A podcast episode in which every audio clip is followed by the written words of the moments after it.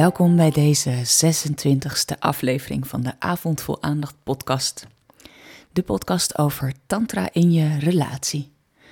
Mijn naam is Marije Oostindie en ik ben tantra-lerares en ook kunstenares.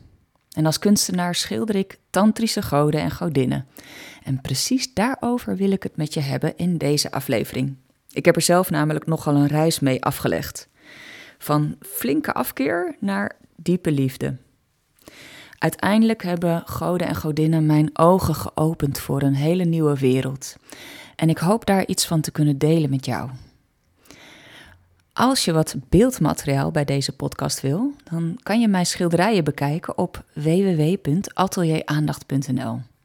En de goden en godinnen die ik schilder zijn allemaal duizenden jaren oud, maar ik geef ze een nieuw jasje. Dat past bij de beeldtaal van nu.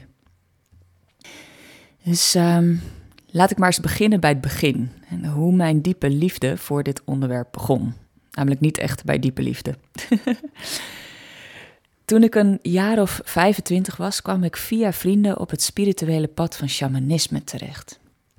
Shamanisme is een natuurreligie en ieder werelddeel kent haar eigen vormen daarvan. In het Westen is het helaas nagenoeg verdwenen, onder andere door de zeer doelgerichte propaganda en het geweld van de kerk.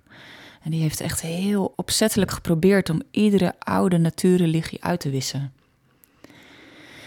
Mijn leraren, de shamanen van wie ik les kreeg, die kwamen dan ook uit Noord-Amerika. En niet alleen hun werelddeel, maar ook hun beeldtaal lag ver van me af. Het was echt Native American. En met hun medicijnwielen, hun totemdieren en ook met Native American verhalen en mythes. Veel mensen uit de community die ontstond rondom deze shamanen leken er vanzelfsprekend veel mee te hebben. Maar voor mij voelde het niet zo vanzelfsprekend. Het was een beetje alsof ik er maar in moest geloven. Al vermoed ik dat dat helemaal niet speciaal de bedoeling was van mijn leraren. Wat heel fijne mensen waren, wijze mensen ook, voor wie ik nog steeds veel respect voel. Maar dat geloven, dat was lastig voor me. Iets in mij had er flinke weerstand tegen en die verdween maar niet. En voor anderen leek het veel makkelijker te gaan. In de rituelen die we deden kregen sommigen allemaal visies van voorouders en van totemdieren. En in mij gebeurde dat allemaal niet. de ceremonies die we deden waren heel krachtig. We waren een van die eerste groepen in Nederland die met medicijnen werkte. Het werk zelf was heel openend. Het leerde me ook heel veel over de aard van het universum. Maar als ik dan weer thuis was, voelde het alsof ik in één keer teruggetorpedeerd werd naar een heel klein en beperkt leven.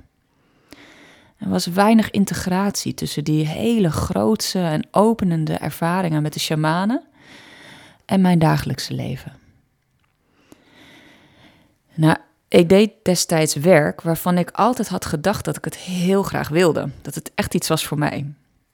Ik werkte in de hippe kunstwereld, bij een bekende kunstenaar eerst en later bij zijn galerie als manager. Heel cool. Ik verkocht peperdure kunstwerken. Uh, maar wel aan mensen die hun hele huis, of eigenlijk liever gezegd vaak huizen, al vol hadden hangen met andere peperdure kunstwerken. En ze benaderden deze kunstwerken als prestigeobjecten of beleggingen. Ik had daardoor niet echt het gevoel dat ik echt aan iets bijdroeg. En dat was wel belangrijk voor me. Dus hoewel het er van de buitenkant allemaal heel goed uitzag, een mooie jonge vrouw, toffe baan, leuke vent, voelde ik me van binnen helemaal niet zo goed. Mijn leven voelde inwisselbaar en ik zocht diepte en betekenis. Ook in die shamanistische community ging het knellen. Ik ervoer soms strijd als ik mijn waarheid inbracht. Ik had niet het gevoel dat mijn soms wat afwijkende ervaringen en ideeën werkelijk welkom waren. En hoewel ik erg hield van de mensen aan zich en de individuen uit deze groep nog steeds heel erg waardeer, ging het voor mij op een gegeven moment onvrij voelen. Dat is niemands schuld. Het is gewoon iets wat veel gebeurt in spirituele groepen. En niet heel veel communities zijn de tools gegeven waardoor verschillende waarheden naast elkaar kunnen bestaan. En vaak leeft in zulke communities ook nog eens het idee dat zulke verschillen de groep zouden verzwakken, in plaats van versterken. Dit alles maakt in elk geval dat ik op een middag dacht: what the heck, ik kan het altijd proberen. Mezelf op mijn knieën liet vallen op mijn Amsterdamse zolderkamer waar ik woonde en God, of het universum, of hoe het zichzelf ook zou noemen, vroeg om nieuwe leraren. In eerste instantie gebeurde er niet zo heel veel. Maar een paar maanden later verdween onze beste vriendin, uit die shamanistische groep trouwens, een weekje uit beeld. Ze had niet gezegd waar ze naartoe was. Maar toen we haar weer zagen, was er iets veranderd aan haar. Het was alsof ze gloeide, licht gaf. Er leek een soort diepe zwaarte van haar af te zijn gevallen. En nog voordat ik haar vroeg: Wat heb jij gedaan? maakte ik een interne deal met mezelf. Ik zei tegen mezelf: Wat het ook is wat ze nu gaat zeggen, dit gun ik mezelf ook. Ik moest behoorlijk slikken toen ze het woord tantra zei. Want onmiddellijk verschenen daar allerlei plaatjes in mijn hoofd. En misschien wel dezelfde soort plaatjes als jij had bij het woord tantra. En van over elkaar glijdende naakte lichamen bij kaarslicht. Oh. ik realiseerde me ook direct wat wonderlijk. Deze onmiddellijke associatie. Want ik had destijds nog nooit bewust iets gelezen, gezien of gehoord over Tantra. Het was 16 jaar geleden ook nog lang niet zo bekend als nu. En toch was dit mijn supersterke beeld erover. Nou, ik weet nog hoe we Meeuwenveen binnenliepen. Een grote groepsaccommodatie in Drenthe. Voor onze eerste Tantra-week. Onze eerste retraite in een lange, lange reeks bij het Centrum voor Tantra. De zaal was verlicht met heel veel vaccinelichtjes. Prachtige, overvloedige bloemen. En ja hoor, daar had je het weer. Een beeld van de Boeddha. En her en der verspreid door de zaal en de rest van het gebouw nog een aantal andere, meer tantrische goden en godinnen. Onmiddellijk was daar opnieuw die weerstand. Maar toch ook een lichte fascinatie. Ik voelde afkeer en aantrekkingskracht tegelijk. En toch was mijn eerste neiging om al die beelden te willen verwerpen. Ja, heel mooi, heel juicy, al die ideale godenlijven. Maar had ik nou soms gewoon het ene dogma ingeruild voor het andere? Toch voelde ik die week hier. Hier zit ik op mijn plek. Tantra is mijn pad. Carla, mijn lerares, bleek iedere vorm van weerstand of sceptisch van wie dan ook in de groep juist helemaal te omarmen. Ze leerde ons hoe je ook deze, soms behoorlijk intense gevoelens kan nemen als toegang. Als toegangspoort tot wat zij essentie of het goddelijke noemt. Juist door ze niet weg te drukken of ze proberen te verzwijgen, maar door ze helemaal waar te laten zijn. En ze open en bloot op tafel te leggen. En gaandeweg de week kwam al mijn weerstand en wantrouwen tot rust. Carla bleek ook iemand die graag haar kennis deelde. En daar had ze nogal wat van. En dat werkt voor mij gewoon heel erg goed. Kennis maakt liefde. Daar had ik ook al eerder tijdens mijn andere opleidingen ontdekt. Kennis van kunstgeschiedenis bijvoorbeeld maakte dat ik intens was gaan houden van kunstenaars wiens werk ik voorheen echt verschrikkelijk vond. Helemaal niks.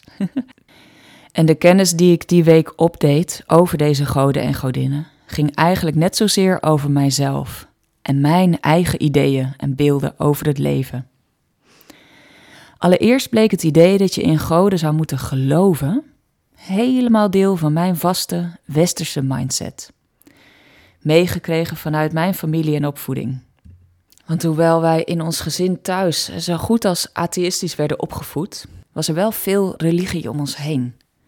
Mijn oma bijvoorbeeld was gepassioneerd katholiek. In het huis van mijn opa en oma hingen heilige iconen aan de muur en ook Jezus aan het kruis. En mijn oma geloofde daarin. Ik vond de kleuren en de vormen mooi, maar ik ervoer ze ook als heel streng. Al dat lijden. Ik voelde niet echt connectie met ze. Als ik naar ze keek, was het alsof mij een beetje de adem en de levenslust benomen werd. Alsof het niet oké was om gewoon een leuk leven te willen leiden. In het kleine dorp waar ik opgroeide hadden we maar liefst zeven kerken. En de gereformeerde kerk was het allergrootst. Er waren basisscholen in ons dorp waar ze zich werkelijk geen raad wisten en met het verklaren van het bestaan van dinosauriërs. hun visie op het ontstaan van de wereld botste totaal met de ontdekkingen in de wetenschap. Vrouwen in dit dorp waren destijds nog steeds heel voelbaar minderwaardig ten opzichte van mannen. Er heerste wantrouwen ten opzichte van intelligente, creatieve of anderszins afwijkende vrouwen. Ik heb heel vaak gedacht: oei, als ik een paar honderd jaar eerder hier geleefd had, dan was ik zeker op de brandstapel beland. Mijn afkeer van alles wat goddelijk genoemd wordt, kwam natuurlijk niet helemaal uit de lucht vallen. Maar of je nou blind de dominante godsdienst aanhangt of je er juist tegen verzet, dit zijn beide kanten van dezelfde medaille. Vrij ben je niet echt, ook niet als rebel.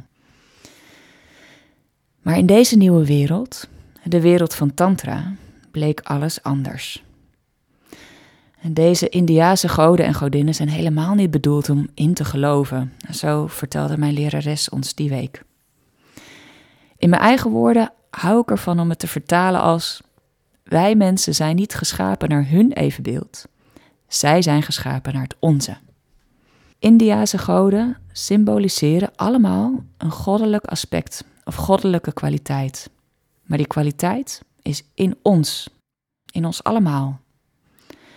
Wij mensen hebben allemaal, in ieder geval in potentie, toegang tot iedere goddelijke kwaliteit. En je gebruikt de afbeelding van een god of godin dan ook niet om erin te gaan proberen te geloven. Je gebruikt hem eerder als spiegel.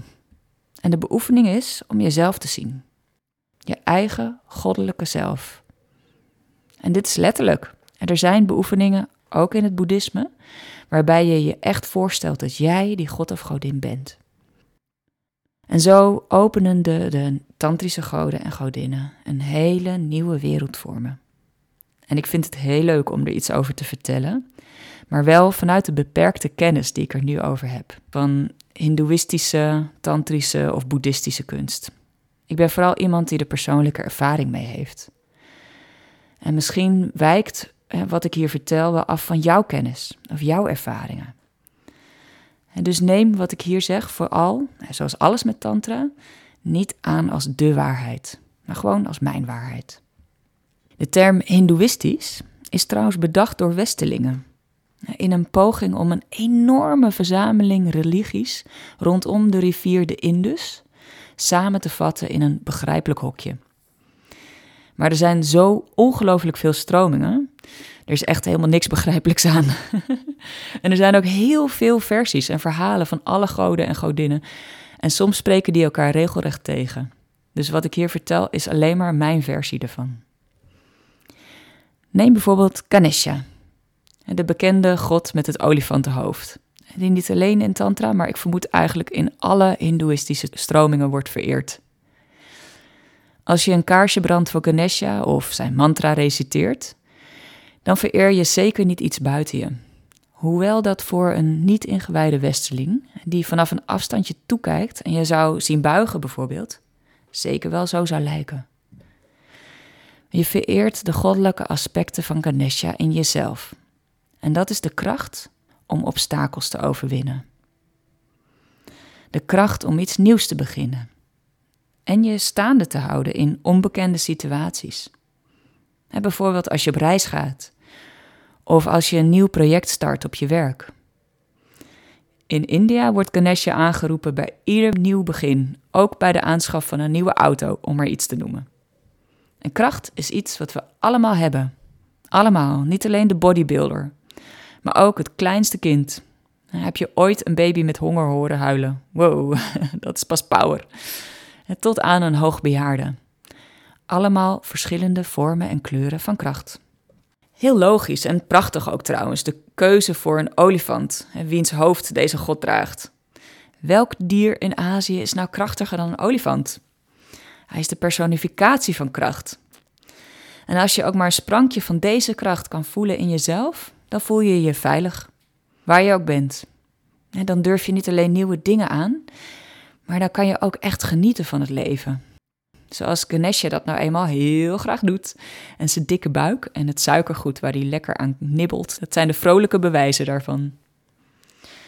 Je vestigt je aandacht op deze vermogens in jezelf als je een kaarsje aansteekt voor Ganesha. Wat je aandacht geeft, groeit namelijk echt.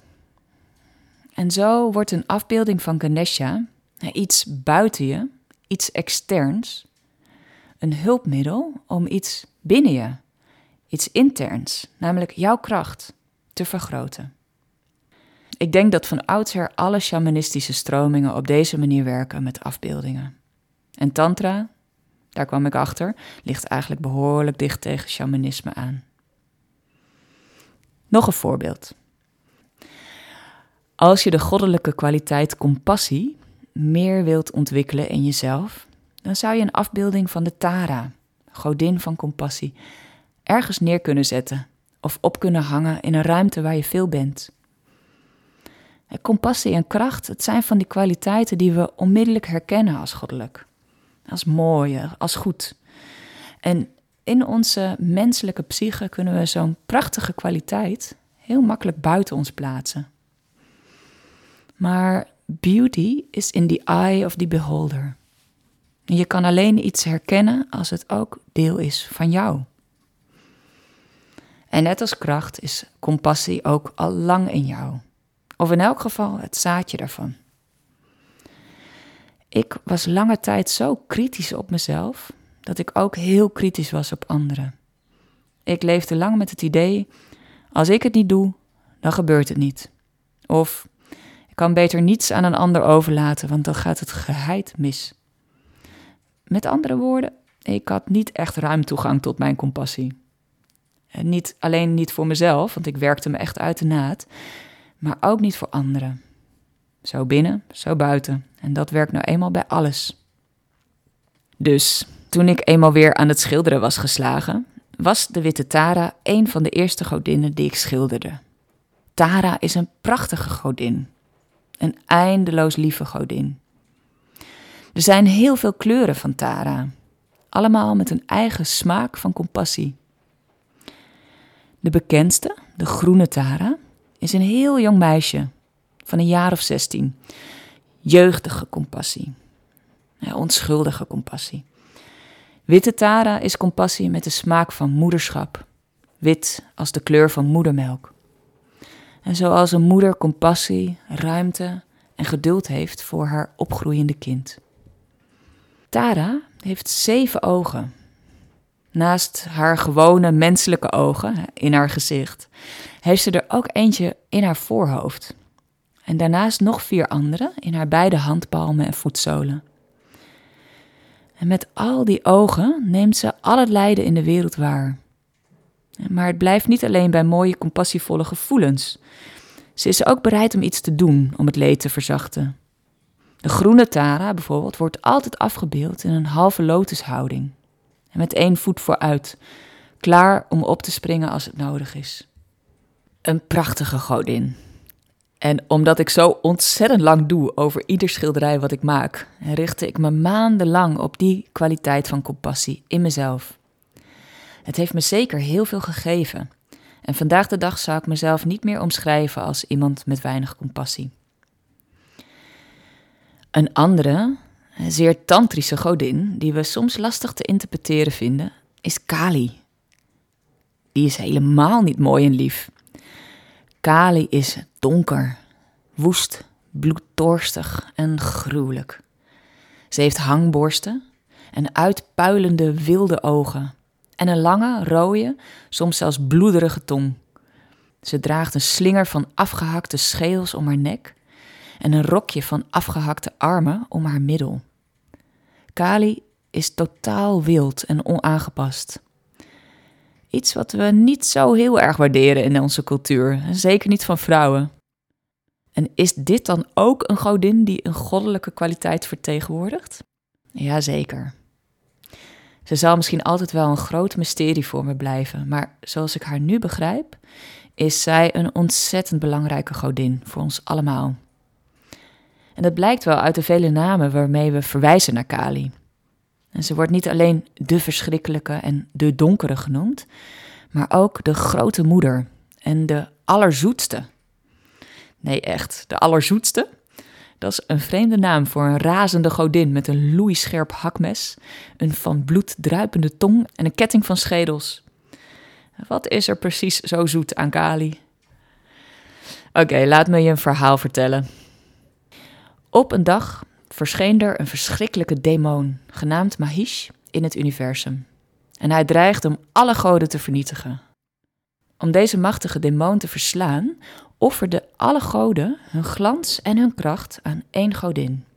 De naam van deze godin was Durga. Haar naam betekent zoiets als fort of onneembare vesting. Op haar moedige leeuw vocht ze een gigantische strijd met Mahish en ze versloeg hem vele malen. Maar er was één groot probleem. Uit elke druppel van zijn bloed die de grond raakte, ontsproot er een nieuwe kloon van Mahish. En dus ineens vocht Durga daar met duizenden demonen en haar kansen werden kleiner en kleiner met elke succesvolle aanval. Haar woede werd groter en groter en ze ontstak in pure razernij. Totdat er een moment kwam waar er absoluut geen enkele hoop meer was. Verslagen hield ze stil. En toen, uit haar derde oog, ontsproot Kali, zwart en verschrikkelijk. Kali sprong onmiddellijk het strijdperk in en ging ook verder met het slachten van de demonen. Maar elke keer als zij er één versloeg, dan likte ze met haar lange tong zijn bloed op, nog voordat het de grond raakte, en zou veranderen in weer een nieuwe demon. Kali's overwinning was totaal. Het slagveld was absoluut stil toen ze klaar was met haar strijd. Zo, nou yes, een vrolijk verhaal. maar wat heeft het van doen met jou en mijn leven?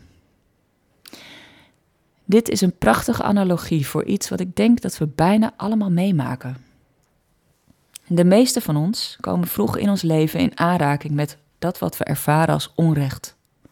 En misschien werd je bijvoorbeeld gepest op school. Of misschien hadden je ouders lang niet alle aandacht voor je die je eigenlijk wel nodig had.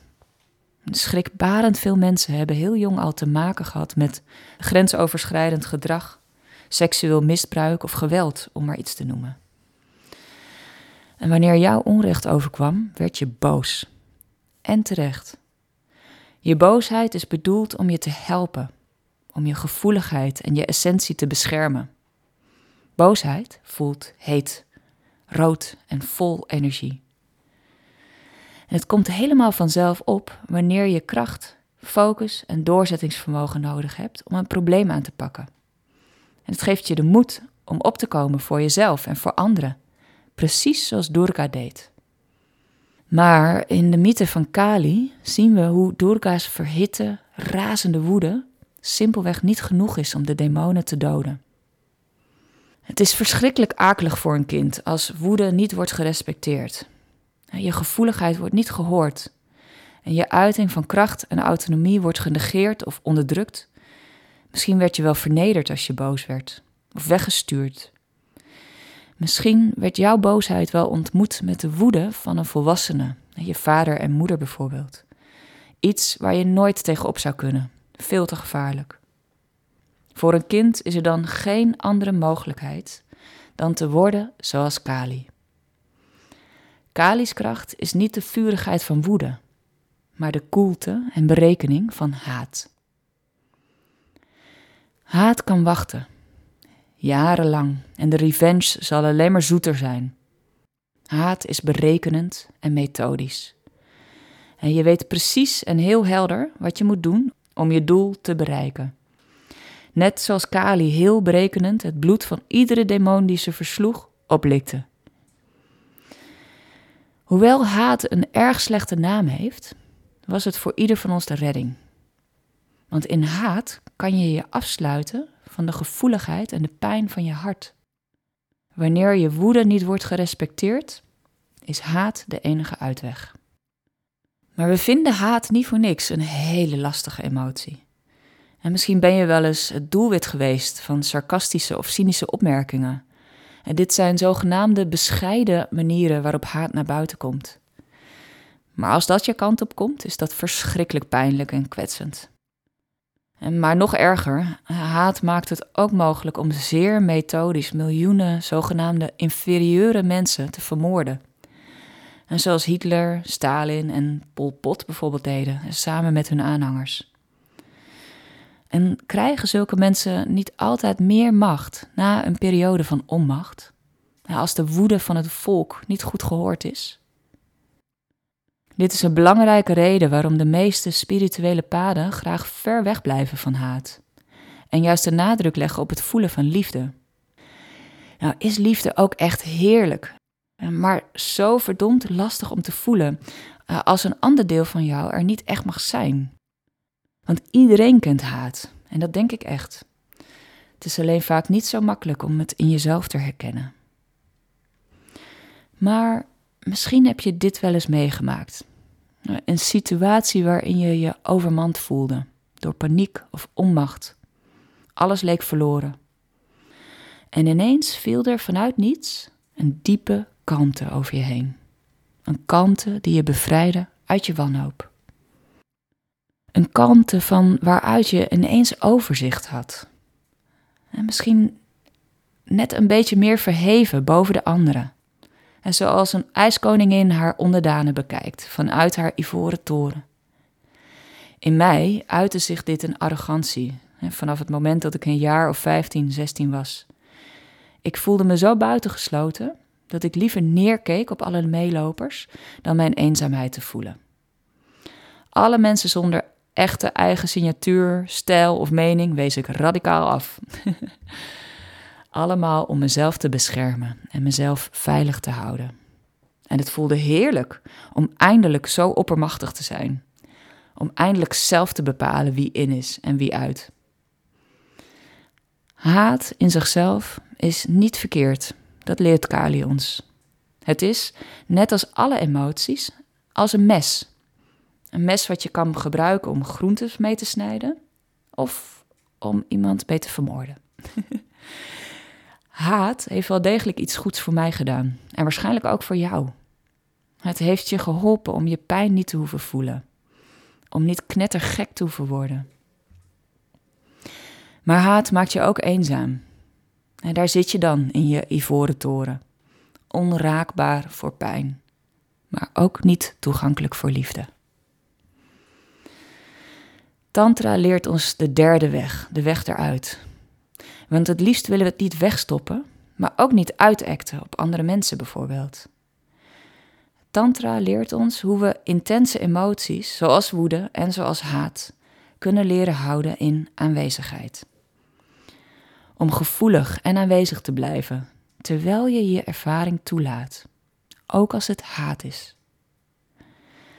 En want nu je volwassen bent, is het mogelijk om je eigen haat te leren kennen en te voelen. En die bewustwording maakt het mogelijk om je haat minder te hoeven uitacten. bijvoorbeeld door cynisch of neerbuigend te zijn naar anderen. Of, misschien wel vaker, door jezelf te beschamen en jezelf te verwerpen. Dit is een grote practice waarover ik hier vertel. Echt Tantra Hogeschool. Het leren herkennen en toe-eigenen van je haat is echt een pittige beoefening, die om een hele stevige bedding vraagt. Het is zo verschrikkelijk kwetsbaar om ook dit deel van jezelf te laten zien. Ik zou persoonlijk niet weten hoe je dat kan doen zonder de begeleiding van een ervaren tantra-leraar. Iemand die zelf het proces van transformatie keer op keer heeft doorgemaakt. Iemand die niet alleen zegt dat alles oké is, maar ook die donkere delen in zichzelf werkelijk omarmt en in aanwezigheid houdt. Dat is wat het betekent om een veilige begeleider te zijn en een veilige bedding te vormen voor anderen om in te kunnen openen en te groeien. Want haat, net als iedere andere emotie trouwens, is in potentie een groot cadeau. Een cadeau dat als je nieuwsgierig en aanwezig blijft terwijl je het uitpakt en het van alle kanten bewondert, uiteindelijk zal transformeren in het allerzoetste. En het allerzoetste is een diep gevoel van innerlijke kracht, stilte en vrede. Een afbeelding van Kali kan je dagelijks helpen herinneren aan je eigen innerlijke kwaliteiten van stilte, diepte en vrede. Wanneer? Nou, op heel erg veel momenten. Bijvoorbeeld als je kritisch wordt op jezelf, als je beperkende gedachten hebt over wie jij zou zijn als je jouzelf beschaamt. Als je jezelf minder waardig maakt. Jezelf vergelijkt met anderen die iets veel beter zouden doen of kunnen dan jij. Dit zijn onze persoonlijke, innerlijke demonen. Stel je dan voor dat grote moeder Kali verschijnt en liefdevol je hoofd afhakt. en als jij handelt op een manier die jou of anderen schaadt, dan hakt ze je armen er voor je af en rijgt ze die aan haar rokje. Niet om jou te vernietigen, maar juist om jouw goddelijke essentie te beschermen. Kali doet cut the crap. Ze maakt korte metten met alle beperkende beelden die jouw goddelijkheid en jouw grootsheid versluieren. Naar Kali kijken en jezelf voorstellen als haar is één manier om die kwaliteit in jezelf op te roepen. Maar je kan het ook doen door je tong uit te steken. Dat wordt ook wel de Kali Mudra genoemd. Probeer het maar eens en steek je tong maar eens uit. Je mag er ook geluid bij maken en gemeen bij kijken. en merk nu eens op wat er in je gebeurt als je dat doet. Het zou zomaar eens kunnen zijn dat je ineens net een beetje minder serieus en vast aanvoelt. Cut the crap. Dat is wat Kali voor ons doet. Prachtig, toch? Ik hoop dat je na het horen van dit verhaal ook een beetje meer van Kali bent gaan houden. En daarmee de wildheid en onaangepastheid in jezelf een klein beetje meer bent gaan omarmen. Nou, dan wil ik deze podcast graag eindigen met een verhaal over Shakti en Shiva, het goddelijke opperpaar in Tantra. Dus let wel, ik heb het hier over de Tantrische Shakti en de Tantrische Shiva. Shakti is hier dan de personificatie van alle energie. En Shiva is dan niet de vernietiger, zoals in het dominante Hindoeïstische gedachtegoed, maar de personificatie van aanwezigheid of bewustzijn. Tantra ziet de hele kosmos, ons hele bestaan, als één grote seksuele daad. Yep, echt waar.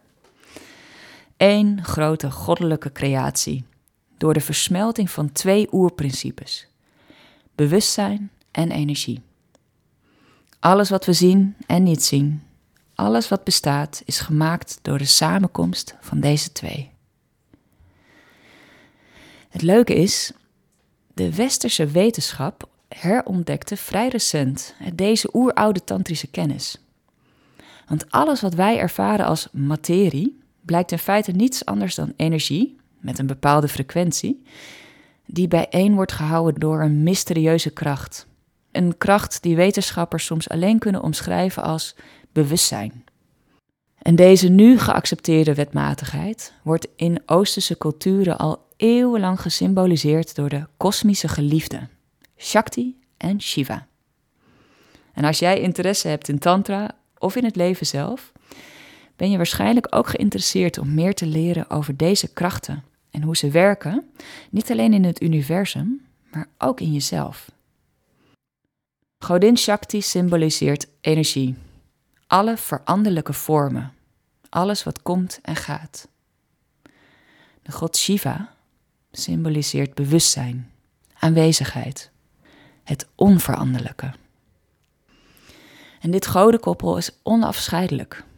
Soms worden ze ook wel eens beschreven als een rivier waarin Shiva de bedding is en Shakti de stroom. Zonder Shiva geen rivier. Zonder Shakti ook geen rivier.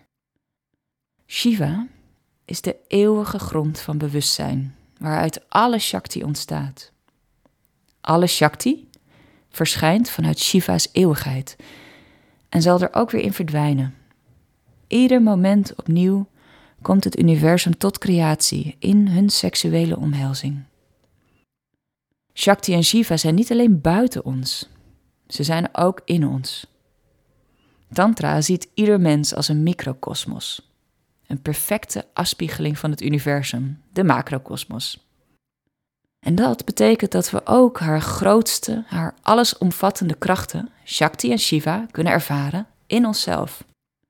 Als jouw Shakti jouw levensenergie vrijstroomt in je lichaam, dan kan je haar soms voelen als een soort zachte zoem. een vibratie of een tinteling. Soms ervaar je haar misschien als bubbeltjes van champagne of als het stromen van een rivier. Het is niet echt heel esoterisch. Het is geen paarse wolk in je aura. Het is super fysiek, die Shakti. Precies wat je ervaart als je stevig hebt gesport, bijvoorbeeld.